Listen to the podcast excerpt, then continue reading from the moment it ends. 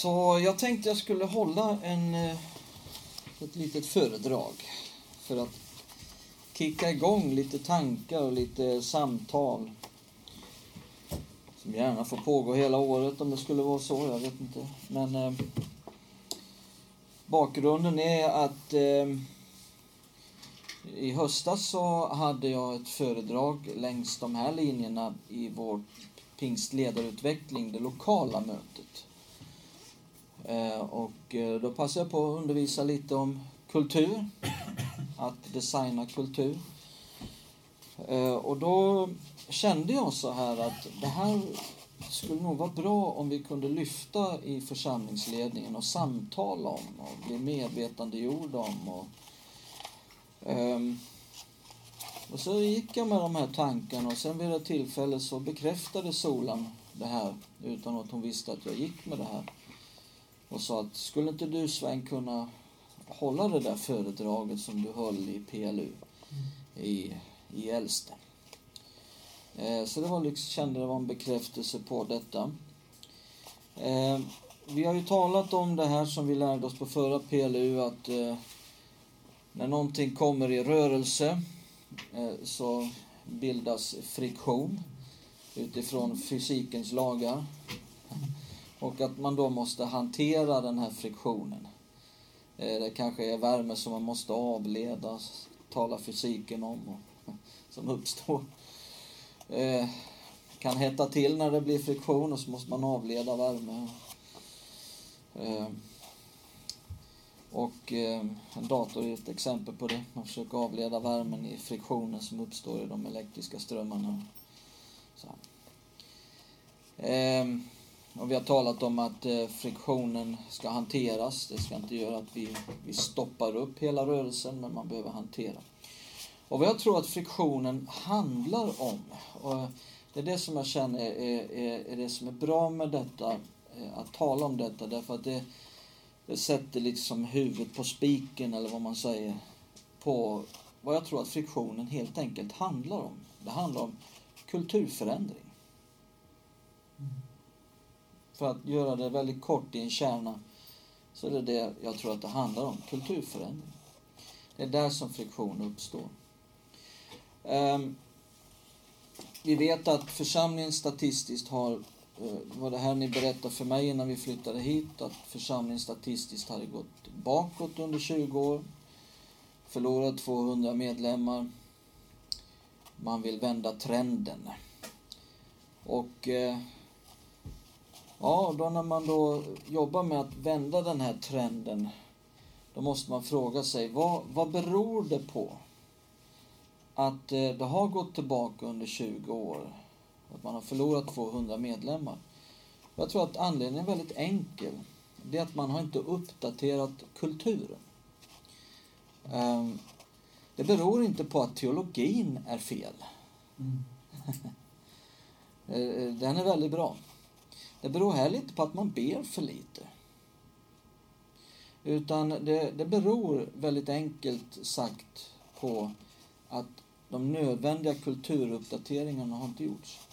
På 1800-talet så förändrades inte vår kultur lika snabbt från en generation till en annan.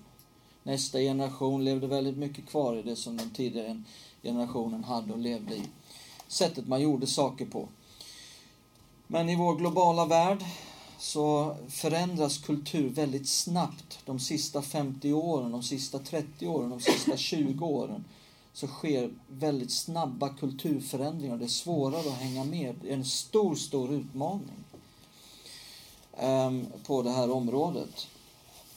Och när man då börjar vidta de nödvändiga förändringar som behövs för att bryta en trend så är det just på det här området, kulturförändring. Och, ehm, och då uppstår friktion därför att man kan värdera sin kultur oerhört mycket. Och det tror jag vi alla gör. Så värderar man sin kultur, den man är van vid. Sättet man gör saker på, det man är van vid. Det är kultur. Och det, det, kan man värdera oerhört högt och det är inget fel i det, att man gör det. Eh, vi i vår Bengtssons familj, vi har familjekulturella saker. Ända sedan Elida var ett år så bestämde vi oss för att nu firar vi jul hemma. Mina föräldrar får gärna komma till oss. Vi åker inte bort någonstans. Vi, vi har liksom en enorm familjetradition som våra barn har vuxit upp med, som varar i tre dagar. Och de älskar det här. De var livrädda att vi inte skulle kunna genomföra det här när vi bodde i Panama. Och vi lyckades väldigt bra. De var så glada för det. Nu när jag och grabbarna var uppe och, och skulle handla för, för julen här på ICA Maxi så sa jag, låt oss köpa stora läskflaskor, det är mycket enklare. Eh, de, de skrek rakt ut på ICA Maxi. Aldrig i livet! Vi har haft våra läskflaskor och våra läskbackar i all tid. Det är enda gången på året vi köper sådana läs, läskflaskor. Det ska stå läskflaskor. Och de, det är massor med sådana här grejer under, under julen. Det är vår kultur. Det är sättet vi gör saker på och det värderar de oerhört starkt. Och när man då gör en och de kan inte tänka sig ändra detta. Och när man då kommer in i en kyrka och man ändrar kulturen, då tar man bort något från människor som de uppskattar oerhört mycket, som de värderar oerhört starkt. Och, och när man då känner att man förlorar någonting eh, så kan en, en sorg komma. Så är det på alla om du förlorar jobbet, om du förlorar en nära släkting eller familjemedlem, du förlorar någonting. Ja, då kommer ofta en sorg. När man förlorar någonting dyrbart. Eh, och, och det, för vissa kan det bli ett sorgarbete när man känner att man har förlorat någonting dyrbart, den kultur man var van vid. Är ni med i min tanke? Mm. Kom en sorg. Och jag kan förstå den sorgen. Jag kan känna med den sorgen. En annan sak som uppstår i nästa steg. Först förlorar man någonting dyrbart, kommer sorg. Nästa steg som kan inträffa, behöver inte inträffa, men som är vanligt i all form av sorg, är att man blir arg. Man får en ilska. Eh, någon har tagit detta ifrån mig. Det måste vara någons fel. Om man förlorar jobbet, man förlorar ett rykte, man förlorar en familjemedlem eller vad man nu förlorar så uppstår en naturlig psykisk eh, process där man känner det måste vara någons fel. Någons fel är det. Och en del kan bli arga på Gud. Det är Guds fel. En del blir arga på andra, men det måste vara dens fel. Eller man kan bli arg på sig själv. Det är mitt fel. Om inte jag hade gjort det här och så vidare. Eh, vi talar nu allmänt, inte nu i vår, vår kyrka, utan allmänt liksom i vanliga sorgeprocesser. Eh, men vad som sen inträffar i, i, i ett sorgarbete, det är att man till sist når en punkt där man accepterar att, eh, att det är så här och så släpper man taget om det man ändå har förlorat. Man släpper taget om det man ändå har förlorat. Om man inte gör det efter en tid Eh, utan håller fast vid det som ändå är förlorat så kan bitterhet uppstå. I den här ilskan, i att man har blivit arg nu, så kan en bitterhet uppstå. Och, och gör det det, då, då kan andra psykiska eh, saker börja inträffa. Där man börjar bete sig på ett visst sätt, man börjar säga saker som inte stämmer längre. Um, och andra runt omkring ser detta men man själv eh, inser inte detta. Så det här är... Eh, eh, så jag, jag kan liksom förstå sorgen när man förlorar någonting som är dyrbart. Mm. Så jag tror att, att eh, vad mycket av friktion handlar om är helt enkelt kulturförändring. Så därför vill jag tala en del om att skapa kultur, att designa kultur. För det handlar om vår församlings framtid. Det handlar om den här församlingen ska finnas och vara stark och levande om 20 år, om 30 år. Om det ska vara ett alternativ för nya generationer som kommer upp. Om vi ska kunna nå nutidsmänniskan och så vidare. Det, det är det, det här det handlar om. Om vi ska vinna nya själar för Guds rike. Rädda människor för, för, för, ifrån helvetet.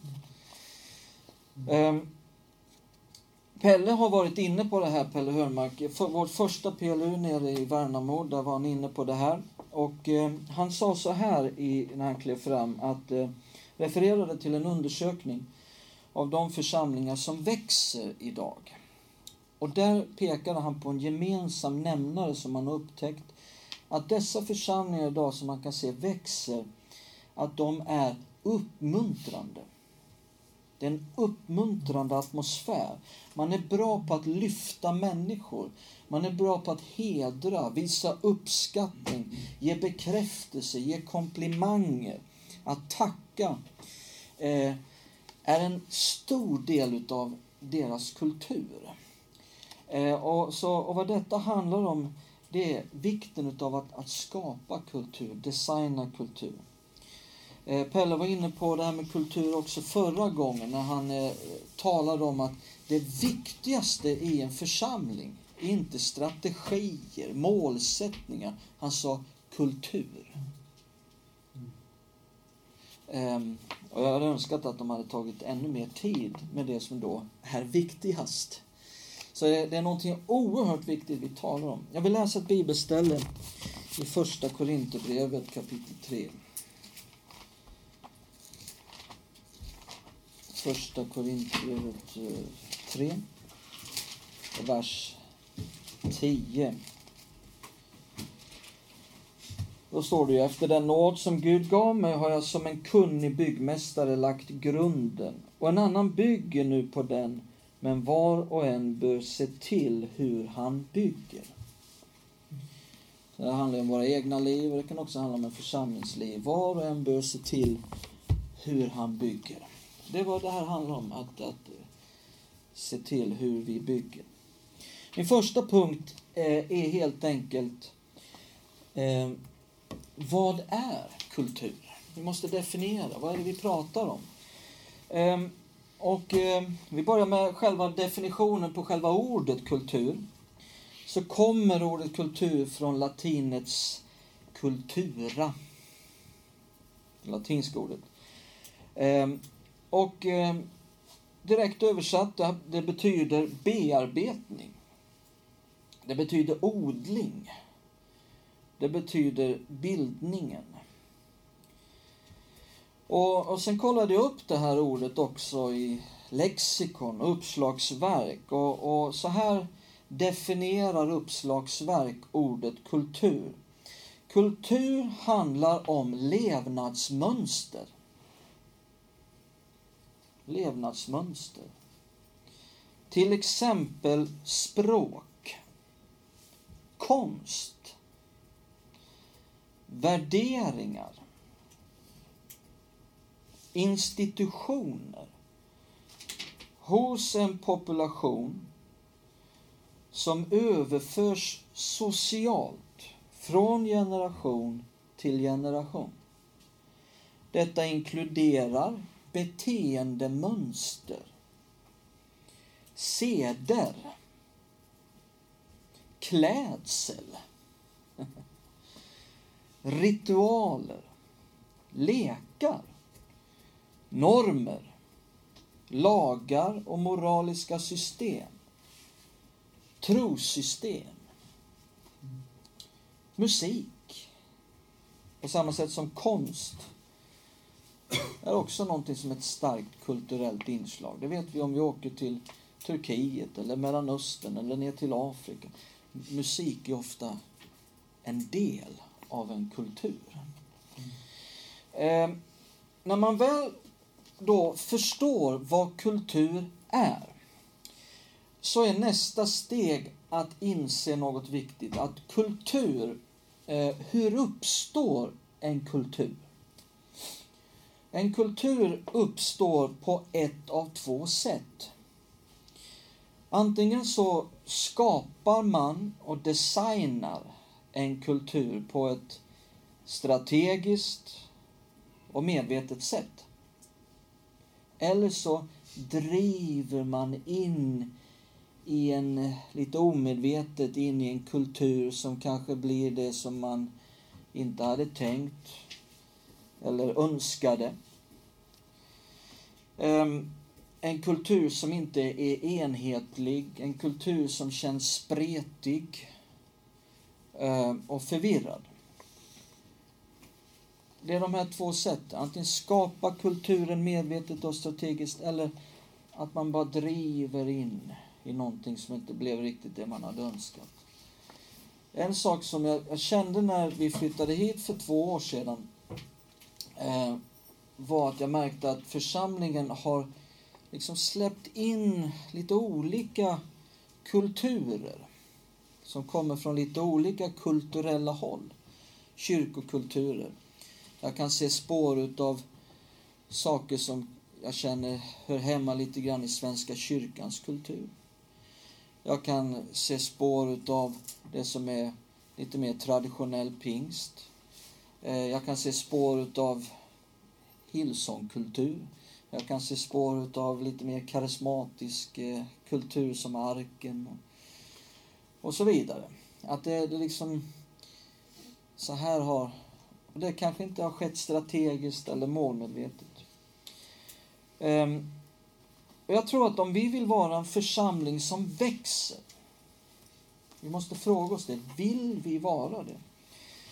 Vill vi vara en församling som når de mål och de visioner som vi upplever att Jesus har gett oss, då räcker det inte bara med en rätt undervisning, att vi ger en rätt undervisning. Det finns ett lika stort behov, behov av att skapa och designa en rätt kultur. Och detta innebär i sin tur att vi som ledare, vi kan inte bara fylla våra almanackor med aktiviteter, bara hålla på att räta ut människors teologi, eh, bara hålla på med själavård och omsorg. Utan vi behöver också ta ett kliv tillbaka eh, och ställa oss en rad frågor angående kultur. Eh, tänka till, planera, förbereda för och skapa kultur. Även nu när vi var uppe på pingstpastor så var det en som talade eh, på fredag förmiddag. Och han kom in just på det här med kultur. Att eh, identifiera, att ett ledarskap behöver identifiera saker omkring kultur. Saker som, som hindrar, saker som, ja, jag tog lite kort på de där powerpointsen han hade. Men, men även han var inne på den där biten. Eh, antingen så är kulturen i en kyrka ett stort hinder för Guds syften. Eller så är kulturen något som öppnar och möjliggör för Guds planer och syften. Ofta kan det behova, eh, finnas behov av en, en kulturförändring. Om en kultur har utvecklats på ett felaktigt sätt så att den numera hindrar Guds syften då är det ett behov av en kulturförändring. Det här är något som vi ibland ser i Bibeln. Inte bara ibland, men, men ofta i Bibeln så ser vi kulturförändringar. Med Abraham kom en kulturförändring. Med Mose kom en gigantisk kulturförändring. Sättet de gjorde saker på. Eh, med Jesus kom en väldig kulturell förändring. Apostlarna fick vara med och genomföra kulturförändringar genom apostlagärningarna. Eh, varför då? Jo, eh, det handlar helt enkelt om att Gud själv vill påverka själva miljön till att bli en hälsosam miljö där hans folk kan växa till. Gud vill blanda sig i detta med kultur. Gud vill inte bara komma och etablera ny och eh, eh, progressiv sanning. Han vill också komma och etablera ny och progressiv kultur. Det är någonting vi måste förstå, och den sidan av Gud. Eh, vi vill se den typ av kultur som Gud vill ge oss i den här tiden. Som blir en underbar mylla. Ni vet ju, man pratar om kultur. på det sättet också. Mylla. Som blir en underbar mylla, en växtplats, en, eh, en miljö som är så hälsosam att Guds folket kan växa till i det som är Guds planer och syften för deras liv. Själva miljön vill Gud påverka. Hur vi tänker omkring kultur är helt avgörande för om vi ska nå nya människor. Eh, Eh, jag tog en statistik här på kickoffen där som visar på att under de första tio åren av 2000-talet så lades det ner över 500 frikyrkor i Sverige. Jag mötte Bengt Sjöberg från Hällefors där jag växte upp. Nu när vi var på Pingstpastor. Och eh, i Hällefors finns inte längre Missionskyrkan, Baptistkyrkan, Pingstkyrkan som fanns där när jag blev frälst i slutet av 80-talet. Mm. Eh, idag finns en ny kyrka som heter Korskyrkan. Eh, men det finns inga med från Missionskyrkan, det finns inga med från Baptistkyrkan, det finns med några enstaka från det som var Pingstkyrkan tidigare. Men det finns med en massa nya människor. Mm. Och jag är så, här så glad Bengt att ni kämpar på i Hällefors.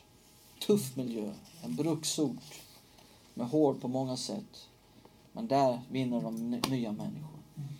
Eh, och hur vi tänker eh, eh, omkring kultur är helt avgörande för om vi ska nå nya människor. Ehm, om, vi tar, om vi tar ett exempel. Va? Ehm, så att vi kan förstå det här med att nå nya, nya människor ska komma in i vårt sammanhang. Ja, det är precis samma sak som om du, du är en ny människa och åker till en annan kultur här i världen. Eh, låt säga norra Indien. Vi har ju Indienkännare här på plats. Ehm, om du ska flytta till norra Indien och bo bland eh, hinduer ja, då möter du en helt ny kultur. Mm.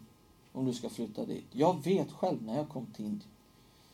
Det var, det var inte bara en kulturchock, det var tio kulturchocker samtidigt. Hu huvudet snurrade runt på mig. Jag hade svårt att ta in allt det här. För att det, det, var, det var så mycket att hantera. Det var inte bara kulturkrock, det var kulturchock för, för min del. Um, och om du ska då bosätta dig där och leva i det här nya samhället med en helt annan kultur än vad du är van, van vid så kommer det att ta tid. Det kommer att ta tid innan du lyckas anpassa dig eh, till den här kulturen. Det handlar om, om språk. Det är ett helt nytt språk.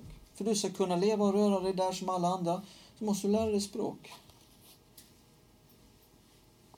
i en ny kultur för att det ska gå lättare. Kanske kan hanka dig fram liksom, men, men att börja förstå språket. Kläder. Helt nya kläder. Linda brukar ju komma i de här fina kläderna ibland. Eh, hon har ju anpassat sig. Och liksom, men det, det är så många områden att börja anpassa sig. Och liksom ny kultur. De har helt andra sätt att göra saker på. Jag vet när jag kom till Panama en helt annan kultur. Och, och, och att, att lära sig den här nya kulturen. När jag bodde i USA, det tog mig ett och ett halvt år innan jag liksom började bete mig rätt i den här kulturen så jag inte gjorde folk upprörda utan att jag menade det. Alltså det var så många grejer att tänka på som var helt nya för mig. Ehm, och, och likadant i Panama, liksom, jag skulle... Ja, till att börja med så trodde ju jag att när de sa imorgon betyder imorgon. Om jag lämnar in bilen på reparation, frågar när är den klar? Imorgon, sa de. Jag kom dit imorgon. Den var inte klar, så jag sa, men den skulle vara klar idag. Nej, imorgon, sa Manjana, ja det betyder inte imorgon. Det står i ordlistan att det betyder imorgon, men det betyder inte imorgon. Manjana, det betyder någon gång i framtiden. Ta det lugnt. Varva ner. Eh, är kulturen där. Ehm, och om nya människor ska komma in i vårt sammanhang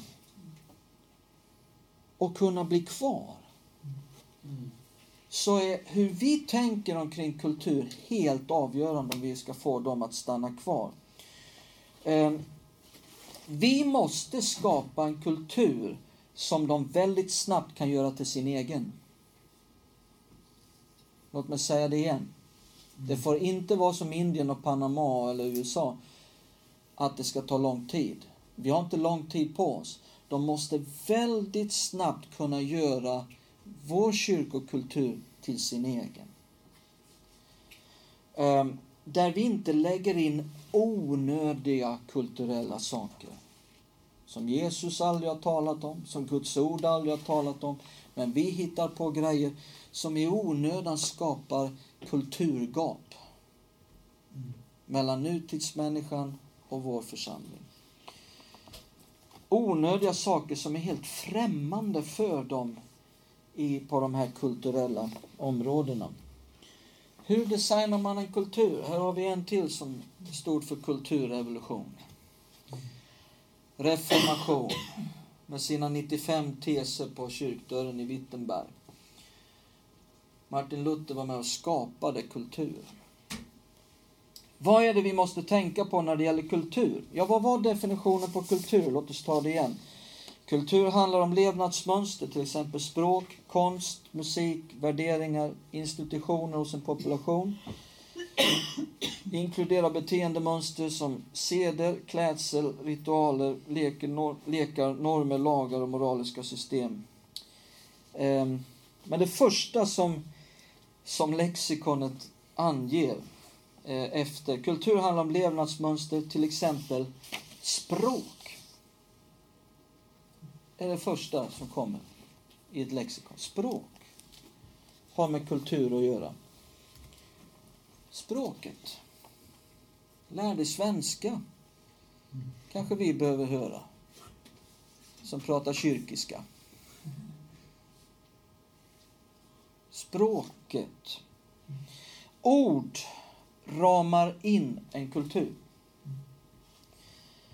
Eh, alla ord som du talar är antingen fördelaktiga och ger liv eller är motarbetande och tynger ner. I människors medvetanden så kommer vår organisations kultur att definieras genom de ord vi väljer.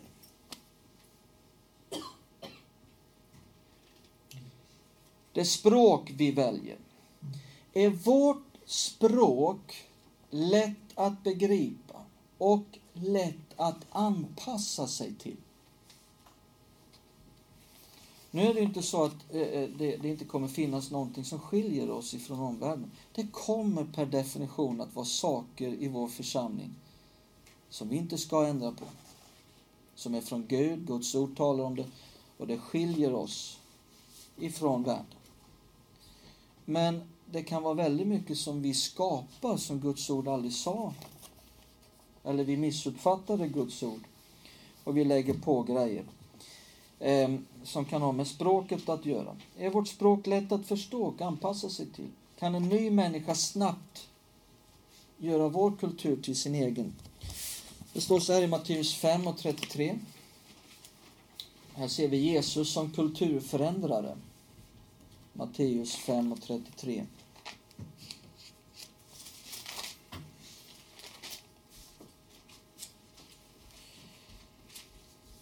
Matteus 5 och 33 och 34.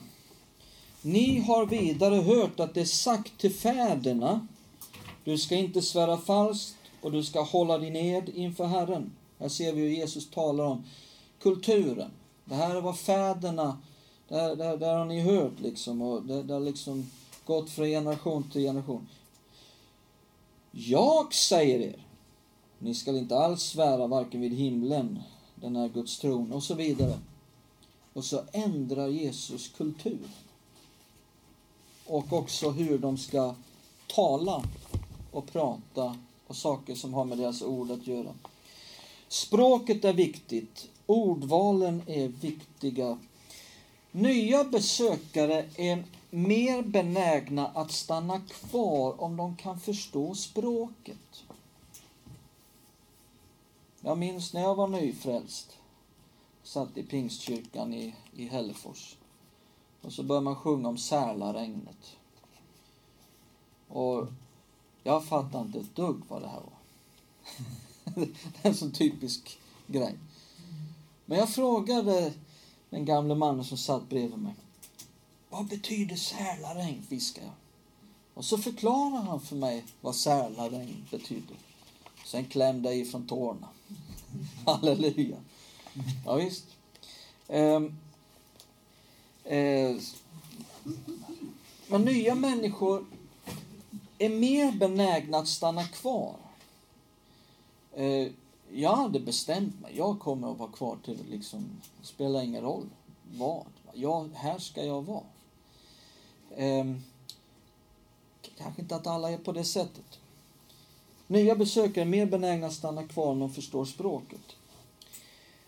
Nyckeln är att avsiktligen eh, använda ett språk, med betoning på avsiktligen, använda ett språk som är relevant, som människor kan begripa.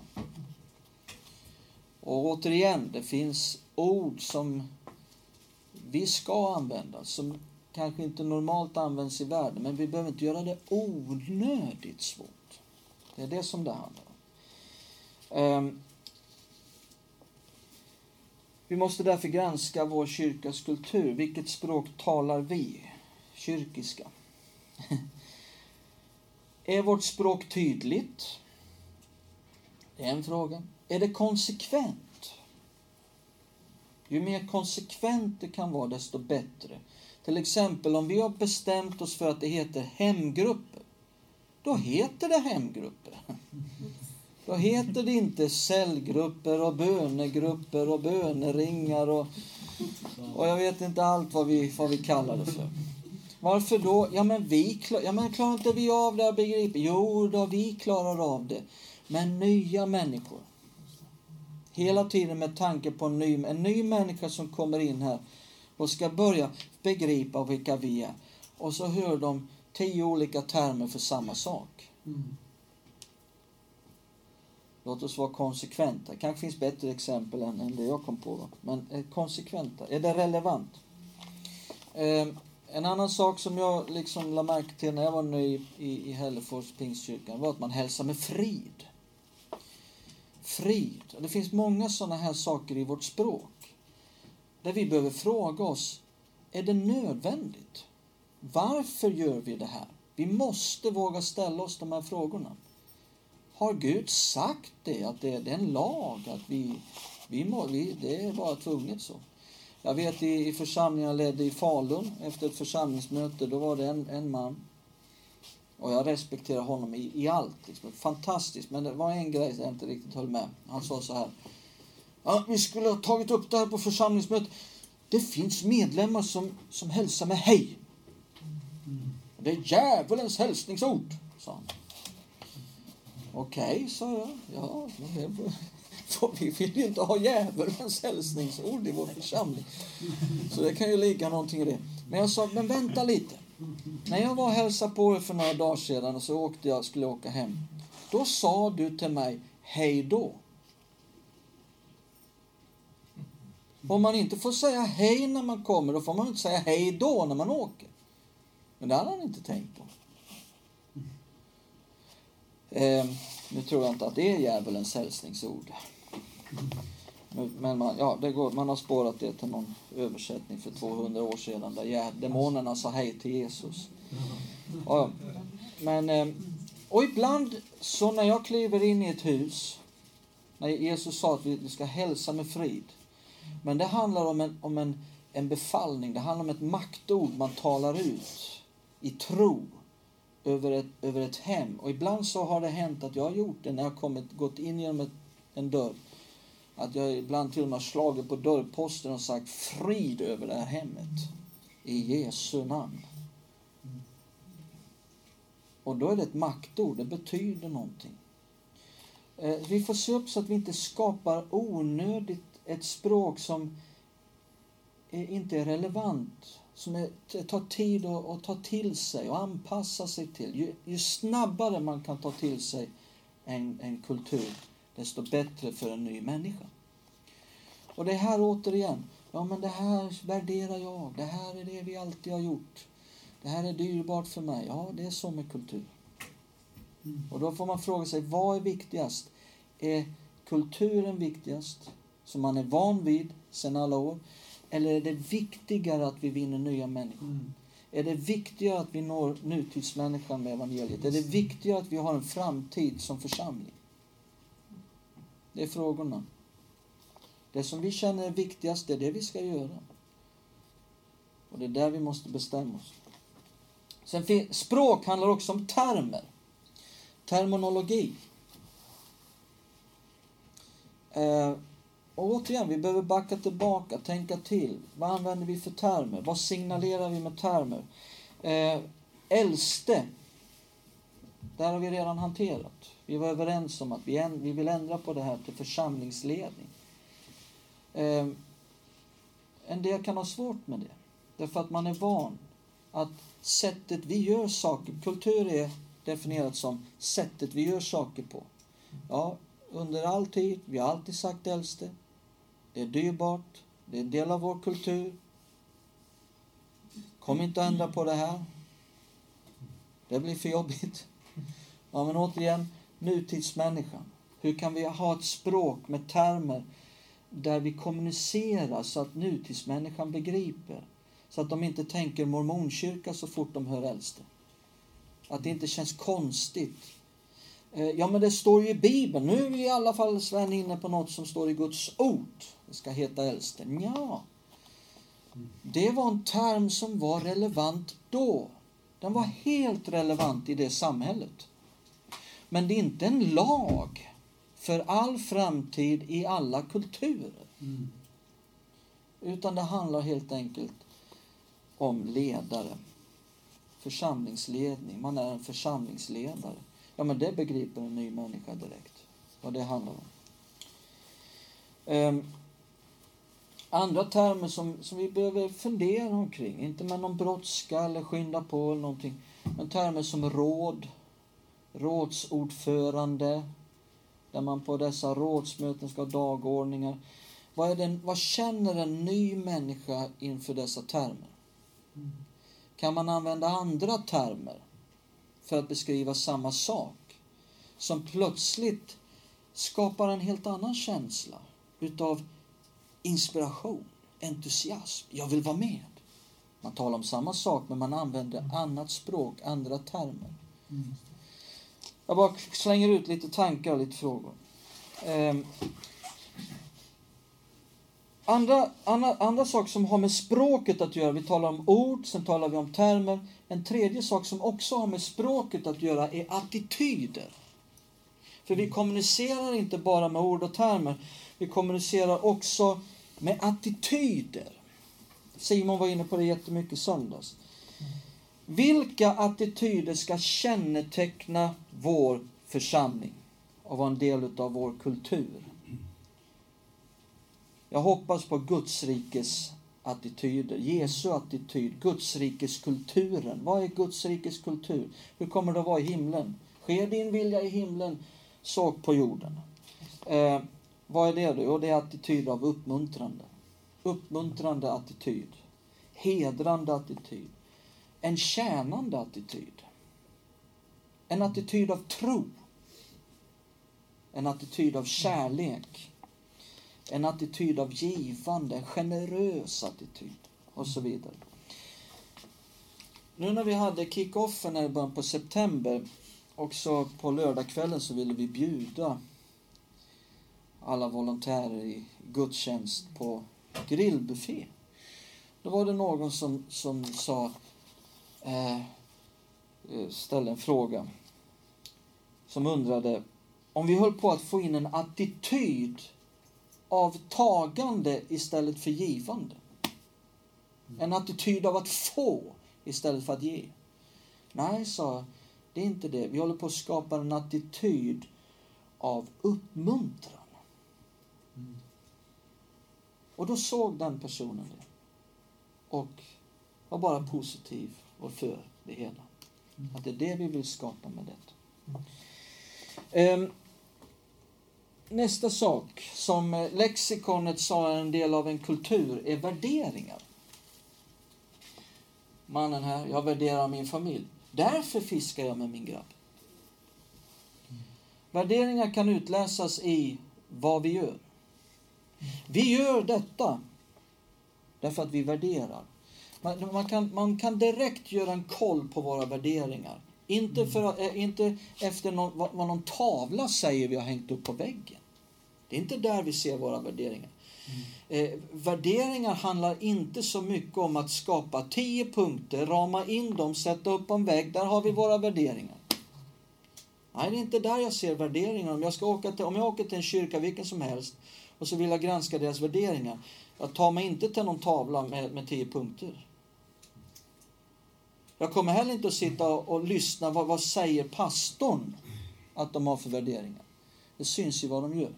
Mm. Jag, man kan hela tiden fråga sig, jag värderar detta, därför gör jag det här. Mm. Det är där vi ser våra värderingar. När vi talar om kulturförändringar, det är det för att vi värderar den nya människan. Vi värderar att nå ut med evangeliet. Vi värderar framtiden för den här församlingen. Därför gör vi dessa saker. Mm. Eh, värderingar. Alla starka kulturer, säger lexikonet, har värderingar som alla delar. Eh, värderingar måste helt enkelt, man kan inte, om vi ska få en hel kyrka och, och värdera samma värderingar, så räcker det inte med att rama in dem som jag sa. De måste fostras fram genom att ledare går före och visar vägen och ger ett exempel. Det är så värderingar sätter sig. Det är så den kulturen skapas.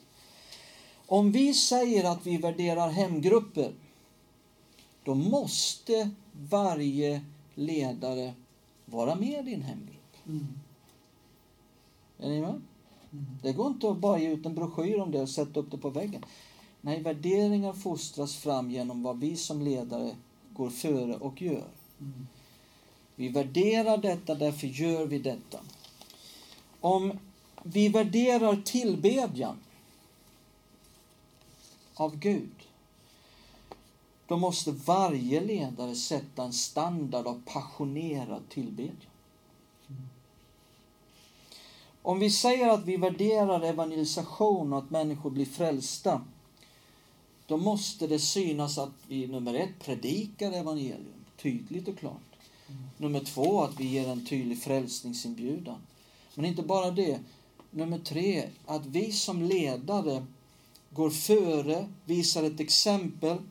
Nu kanske du tänker i att knacka dörr.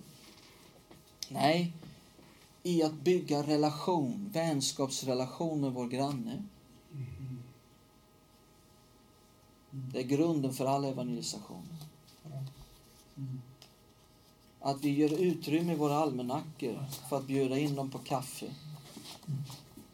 Att på sommaren säga rakt över häcken, kom över. Jag har gjort i ordning lite fika. Um,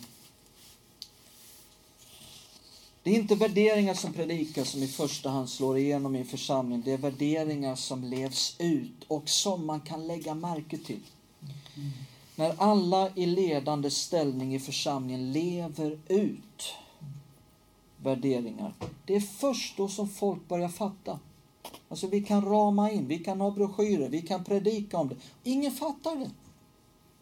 Men när de ser det i våra liv Mm. Då börjar man fatta värderingarna. Mm. Där det saknas tydligt genomtänkta värderingar, där faller en kyrka in i oproduktiva traditioner. I eh, försiktighet, i kontroll, i politiska maktspel, i mediokert tänkande i småaktigt tänkande. Rent utav. om jag har passion för värderingar, då börjar de här sakerna falla bort. Då är det inte mediokert längre, då är det helhjärtat, för jag har en värdering. Den här mannen är helhjärtad. Ser ni? Det blir helhjärtat så fort jag har en sann värdering som jag lever ut. Mm. En församling utan genomtänkta värderingar som levs ut blir snart en självfokuserad kyrka där till sist allting handlar om att tillfredsställa, att enbart tillfredsställa de som redan är befintliga medlemmar. Mm. Eh, nästa sak om kultur. Enligt lexikonet traditioner. Vi ska snart landa. Men lite till bara. Eh, traditioner listades också i lexikonet som en del. Eh, vi kan läsa, det handlar om ritualer, seder, ritualer, seder, traditioner. I Lukas evangelium.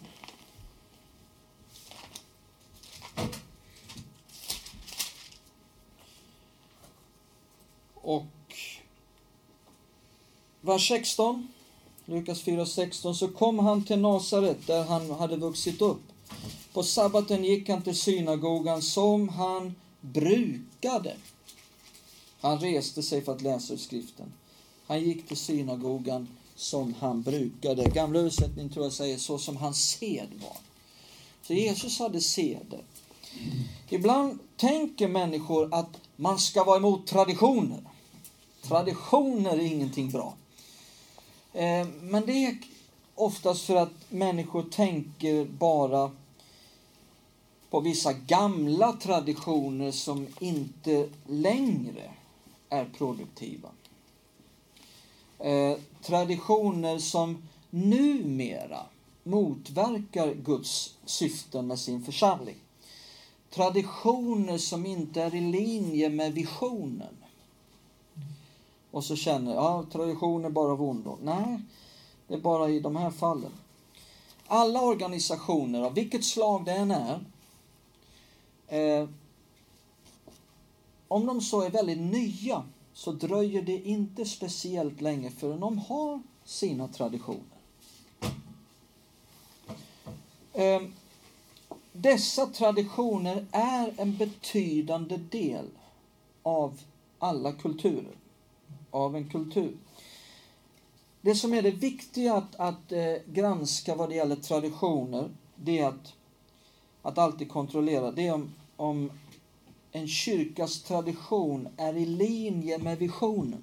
Mm. Varför gör vi vad vi gör? Är det i linje med visionen? Har det tydliga syften? Eh, traditionerna kännetecknas de av liv och entusiasm? Har de ett driv i sig? Det är viktiga frågor att ställa. Vi måste också fråga oss vilka traditioner vi tillåter.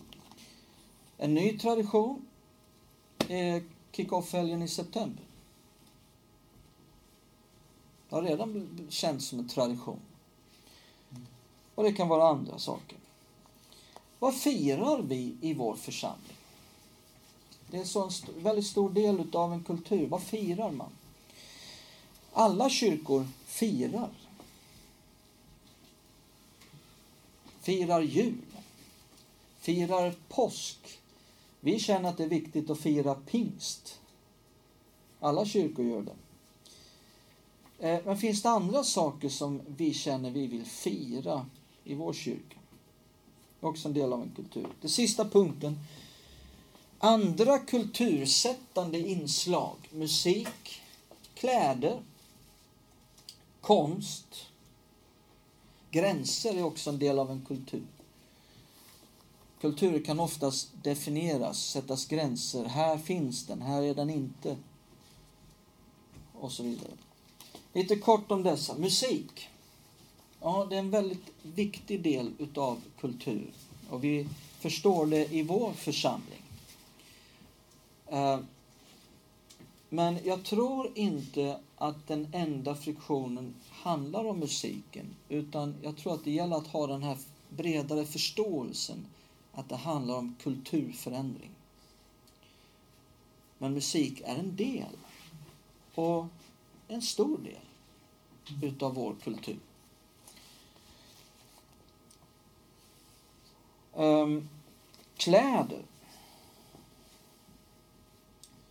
Ja, här ser vi olika kläder.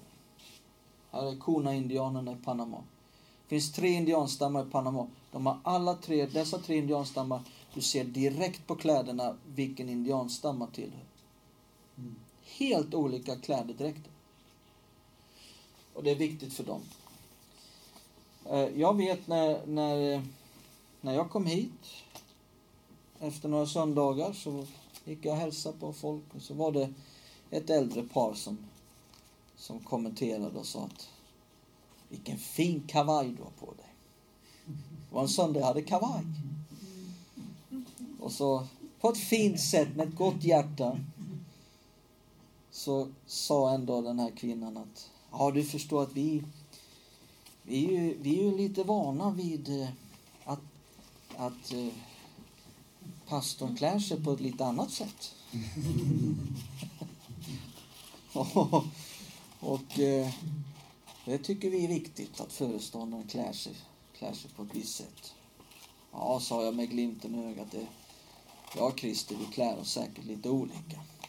Och så här klär jag mig och det är lite grann med tanke på nya människor för att de ska kunna känna sig hemma. Och Ja, men nu känner de sig väldigt hemma när du har klätt dig precis sådär liksom. Då hade jag skjortan utanför och jeans och under kavajen. Och då, ja, men de tyckte det var väldigt bra. Hade jag bara kavaj på mig så fick jag gärna skjortan utanför. Men kläder är en kulturell grej. Och, eh, eh ja men svensk... har det här någonting med vår tillväxt att göra av någon nutidsmänniskan? Absolut. Den stora frågan för oss är, när vi nu ska tänka, hur ska vi klä oss? Ja, för, för första, inga lagar. Jag tycker det är viktigt att man får klä sig som man vill. Det tror jag är det viktigaste i en kyrka. Att man får klä sig som man känner. Det här är jag. Är det jag och liksom ha kostym på mig, fine. Om det någon annan säger, men så här vill jag klä men det, det, det, det, ska vara, det, det, det, tror jag är det viktigaste. Det får vara en, en kultur av frihet. Um, men jag tror att vi behöver ägna någon tanke här. Vilka människor har Gud kallat oss att nå? Vi behöver klä oss som dem. Jag tror det. Eh, ju mindre kulturella olikheter, desto snabbare kan man tillgodogöra sig en, en kultur. Eh, min syster, som bor i Danmark, hon är 13 år äldre än mig. Hon och hennes man kom för första gången för att sova en hel vecka hemma hos oss. Hälsa på oss en hel vecka för några år sedan. Jag tror det var typ 2007 eller någonting sånt där. Och sen eh, gick det några dagar fram på torsdagen och säger min syster, du Sven, jag och Lasse, vi, vi har pratat här att vi ska följa med till er kyrka på söndag. Ja visst, ni är jättevälkomna, vi har inte legat på det. Sen kommer söndagen. Då märker jag hur min syster, ursäkta mig, ligger på Lasse, min svåger. Han måste ha på sig... Ja, det, var, det var som han skulle gå på bröllop. Mm. och han är inte van vid det här. Han är van vid att gå med halvtrasiga jeans och en, en, en sliten t-shirt, motorolja på händerna och ciggen i mungipan.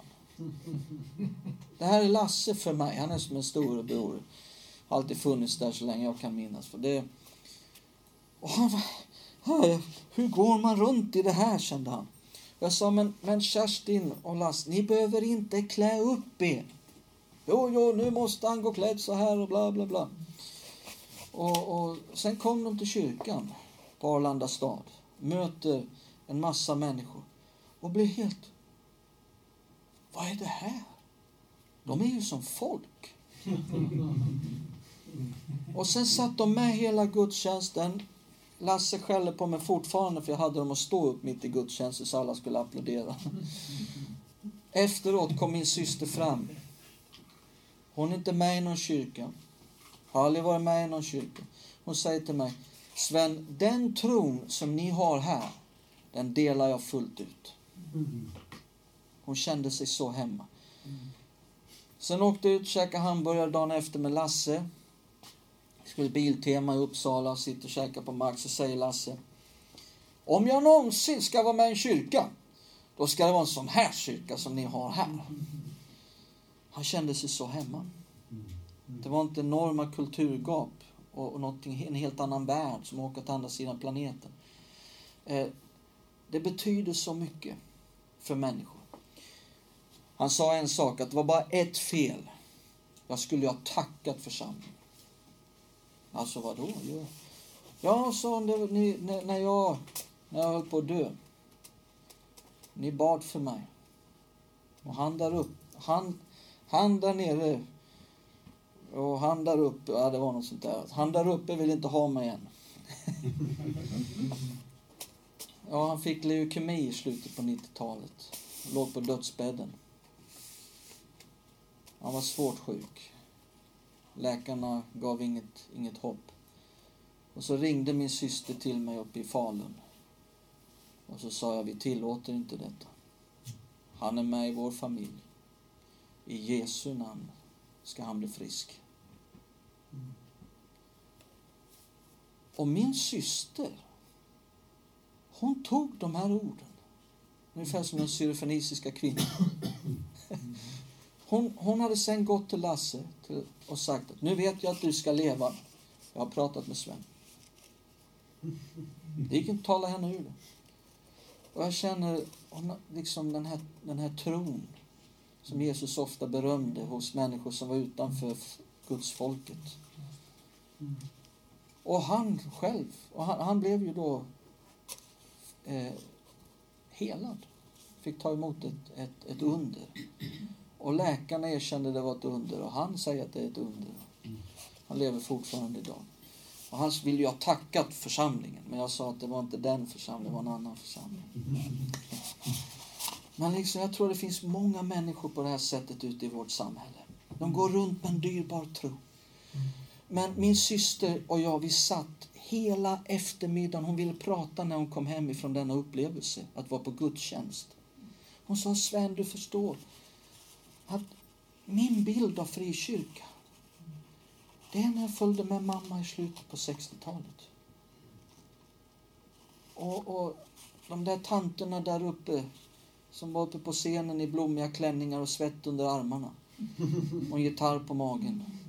Och de var så elaka med mamma. Hon blev med barn när hon var 47. Och de betedde sig elakt. Och det var, det var en bild, en kultur som hon inte kan relatera till. Och hon trodde att det fortfarande var så. Nu mötte hon någonting annat. Då vill hon vara med. Jag är övertygad om att vi har massor med människor i vårt samhälle. Mm. Som inte har sagt nej till Jesus, men de har sagt nej till en kyrka de inte kan relatera till. Mm. Och det är det som, som ligger bakom. Konst. Hur är vår kyrka utsmyckad? Hur designar vi vår kyrka? Vad hänger vi på väggarna? Jag var uppbjuden till en församling i Norrland och de ville, jag skulle predika en hel helg och sen ville ledningen träffa mig på, för, på, på dag på lördagen. Och så, och så sa de, berätta för oss hur vi kan se förvandling i vår kyrka. Ungefär så. Jag sa, vi börjar med det ni hänger på väggarna. Det var ett museum. Alltså man klev in i den där kyrkan, man trodde man hade förflyttats tillbaka till, till 50-talet. De hade inte räknat med det. Att höra det. Men säg, vad säger det till en ny människa som kommer hit? Vad andas detta? Vad skapar det för atmosfär? Konst hör till kulturen. Ja, vad hänger vi på väggarna? Vad skapar det för, för, någon, för en atmosfär? Vi kan tänka att det är oväsentligt. Det är inte oväsentligt. Jag kom till en annan pingstkyrka på ett annat håll i Sverige och skulle be ett par timmar innan gudstjänsten. Jag sa, kan jag få ett rum och be? Ja, de visade in mig på expeditionen. Ja, där var det... Jag trodde också jag hade flyttat, kom in i ett museum. Det står en skrivmaskin på skrivbordet och soffan måste ha varit från 60-talet och det fanns en anslagstavla. Det satt fortfarande en affisch med ett rockband från, med en inbjudan till någonting som skedde i början på 80-talet. Mm. Det var visitkort till sådana jag känner. Men jag såg att de har inte följt med för att de håller inte på med de där grejerna som visitkortet talar om längre. Det gjorde de för 15 år sedan, men sen har det visitkortet bara hängt kvar. Vi, vi kan tänka att det inte spelar någon roll. Men jag tror att det spelar roll. Vad andas? Mm. Konst. Gränser. Ja, vi behöver också sätta gränser. Vad är det vi ska hålla på med som församling? Vi ska, vi ska inte hålla på med allt. Vi ska inte vara som en kulspruta som skjuter i alla riktningar. Utan vi behöver fokusera ibland. Ta reda på vad är det vi ska göra och så göra det bra. Mm. Istället för att försöka göra allt. Det är också någonting viktigt, att, sätta, att ibland behöver man sätta en gräns. Nej, det där har inte Gud talat till oss om. Det där har inte Gud kallat oss till att göra. Det kanske är befogat. eh, Det kanske är en väldigt bra idé. Någon annan har Gud sagt att de ska göra det. Men det är inte säkert att Gud har sagt att vi ska göra det. Mm. Att inte haka på bara bra idéer. Okej, nu har jag hållit på en hel timme.